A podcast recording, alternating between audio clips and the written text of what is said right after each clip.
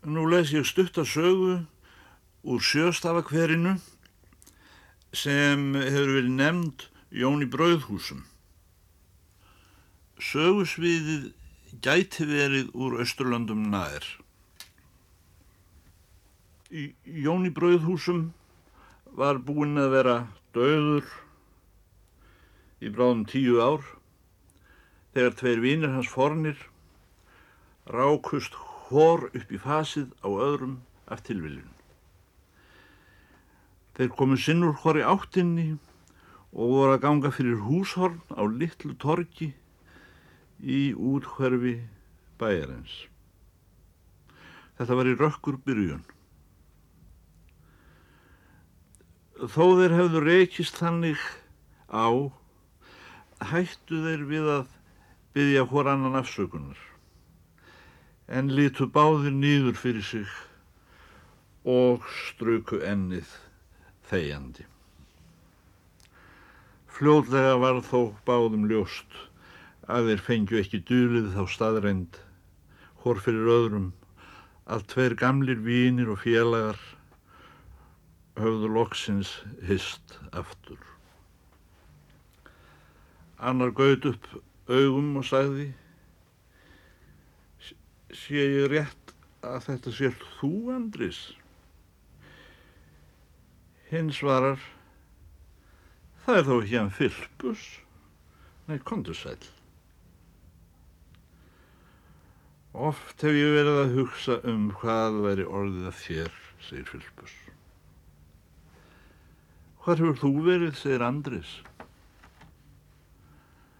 Fylpus.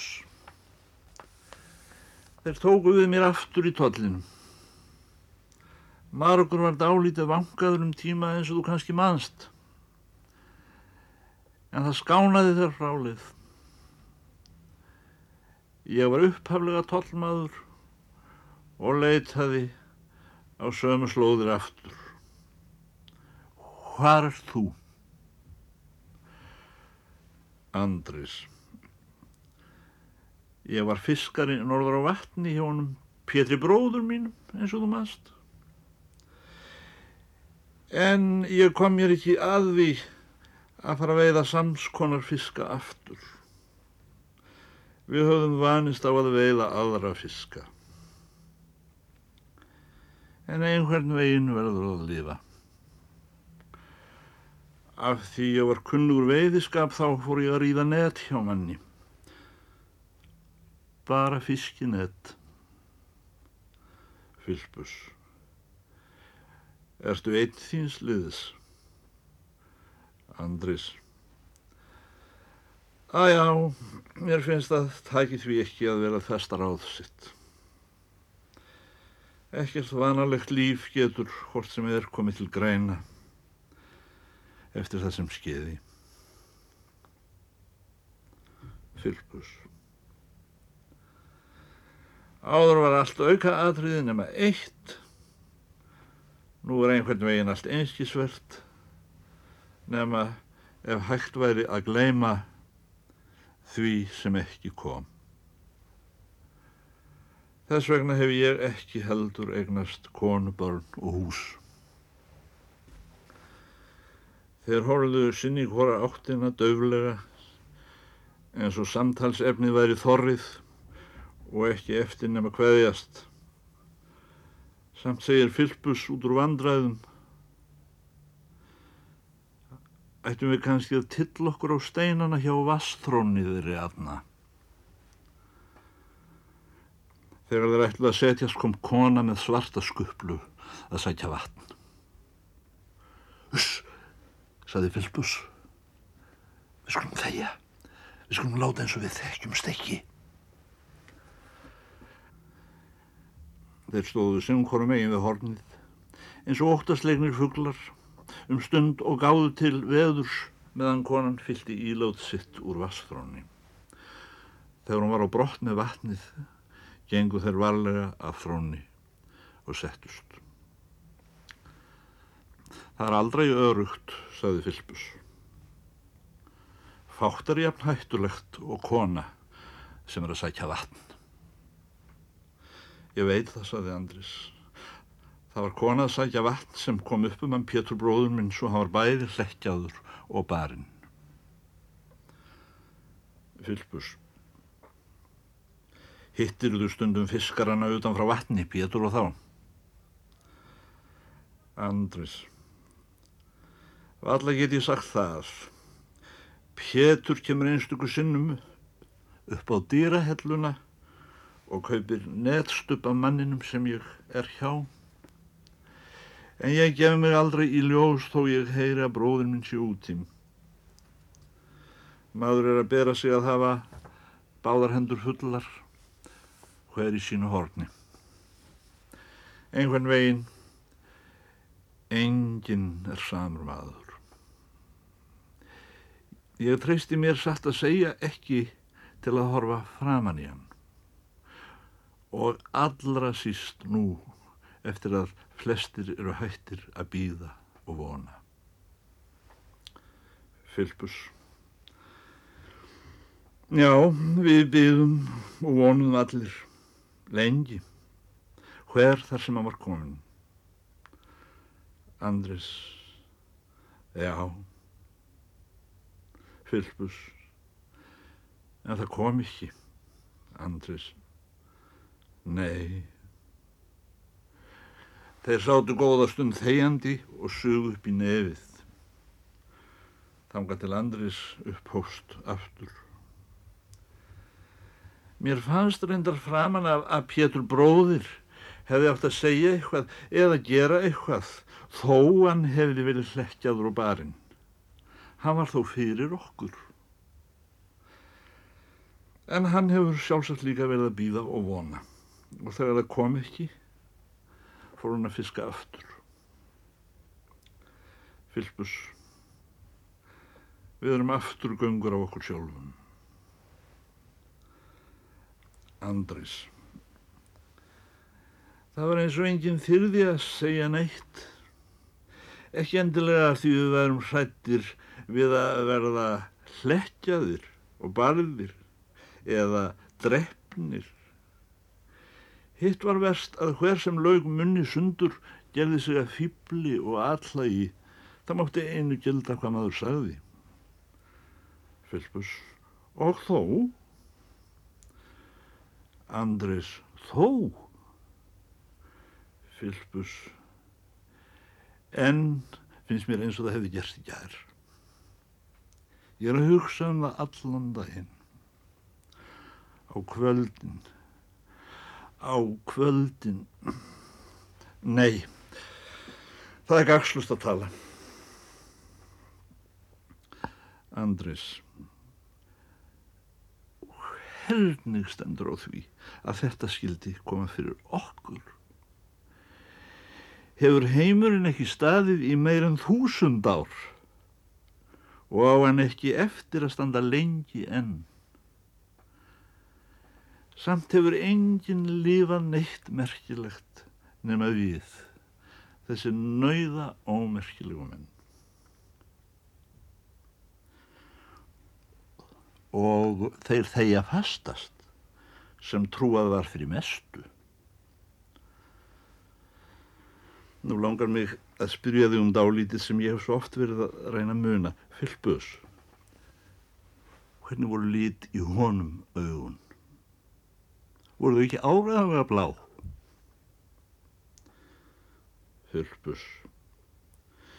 Nú gengur fram að mér, Andris. Hvernig getur þér dottið í huga að segja að augun í honum hafi verið blá? Blá? Ekki nema það þó. Þess áttar augu hafi ekki aðrið en barbarar.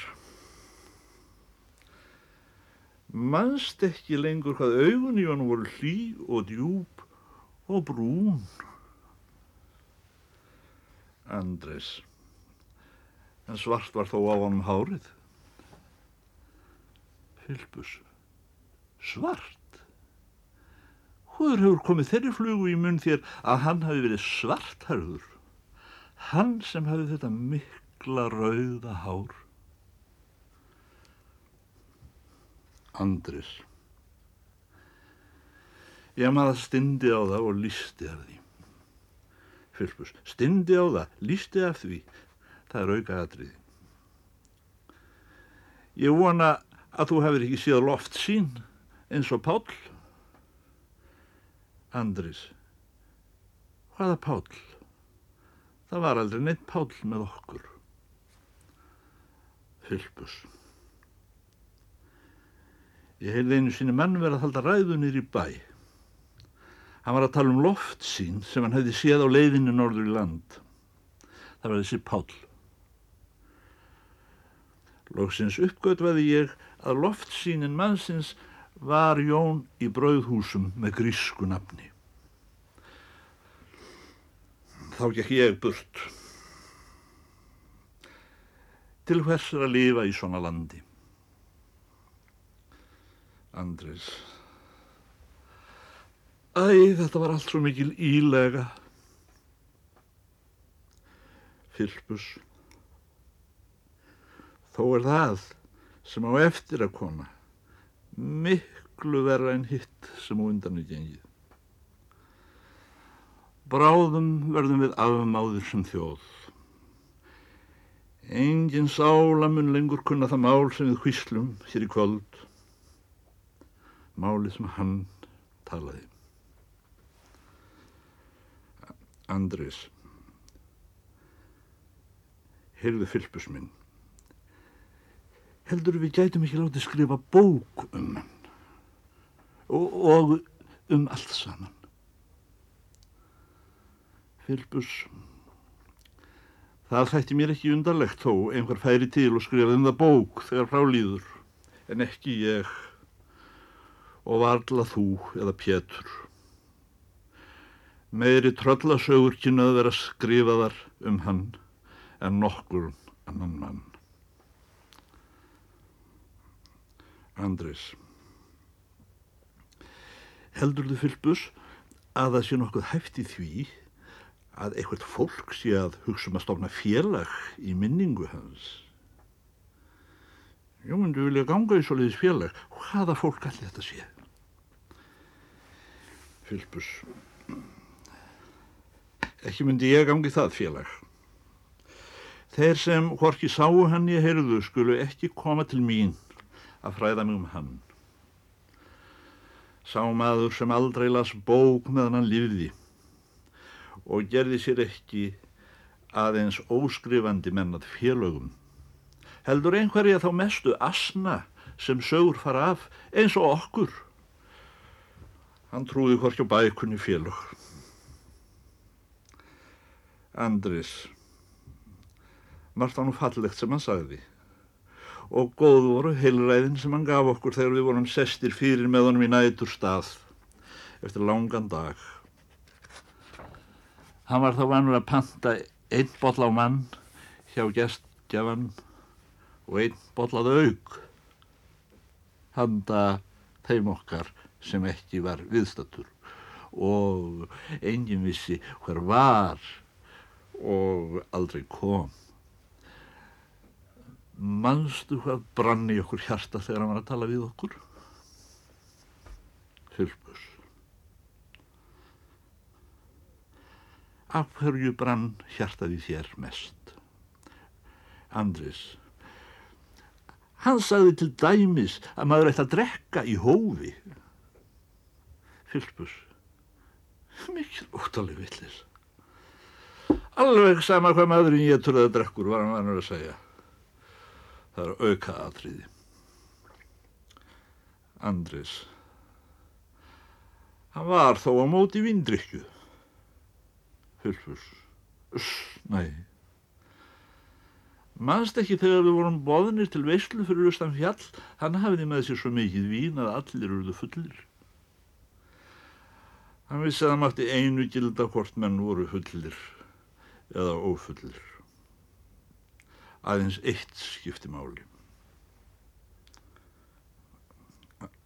Andris, þú ert ekki búin að gleyma hvað hann sagði þegar hún mæja þar sem við legðum tók upp á því að halda fram hjá kallinum sínum. Já, og, og hvað sagði hann? Andris. Hann sagði hann að syndga ekki framar. Fylfus, þessu hefur áreðarlega einhver logið upp. Ég sem horða á hann skrifa með fingrinum í ríkið skiptir ekki máli. Síðan blíðast hann ríkinu burt. Um ekkert held ég honum hafi staði jafn mikið og sama og það með hvaða fyrirkomulegi fólk ekki kynsitt. Það er auka atriði. Hann hló með þessari léttu skríkju að öllum hjeguma. Aftur á móti saði hann í mín eiru um börnin. Ríkið tilheyrir þeim. Andris. Mig minni nú hann hafi sagt við ættum að elska fátæka menn af því þeirra væri ríkið. Fylpus. Mikið hefur þið miskiliðan Andris minn. Hjá honum var ekki nema eitt aðalatriði að allt annað kom ekki málinu við, ekki heldur fátækir menn. Þú heldur þó ekki að hann hafi trúað á góðverk í þessu landi, hjá þessari þjóð, undir þessari stjórn? Nei, allt er auka atriði og ekki að marka neitt fyrir en ríkið kemur, saði hann fyrst ríkið, síðan allt hitt. Andris, en það kom ekki. Fylpus. Í staðin fór þetta svona. Hvernig átti okkur að óra fyrir því að svona myndi fara?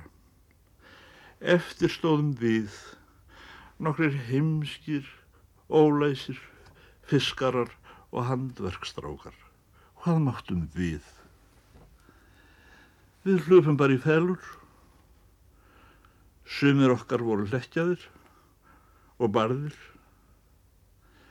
Við þökkuðum okkar sæla verið ekki eldir upp á drefnir.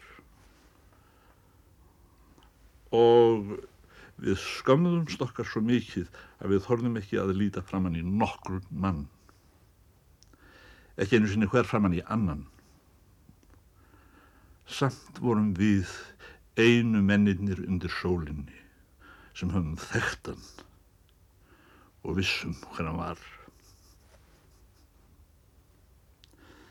Andris. Ég get aldrei hugsað um neitt annað hvort heldur ég vækja þess ef. Aldrei hefur nokkrum mönnum verið trúað fyrir öðru eins. Fylbus. Var að við andris tölum látt, það geti hyrst til okkar. Það er einhver að koma. Við skulum ekki láta á okkur bæra. Það hefði dimmað meðan menninir sáttu saman og hjöluðu látt hjá vastrónni á auðutorkinu.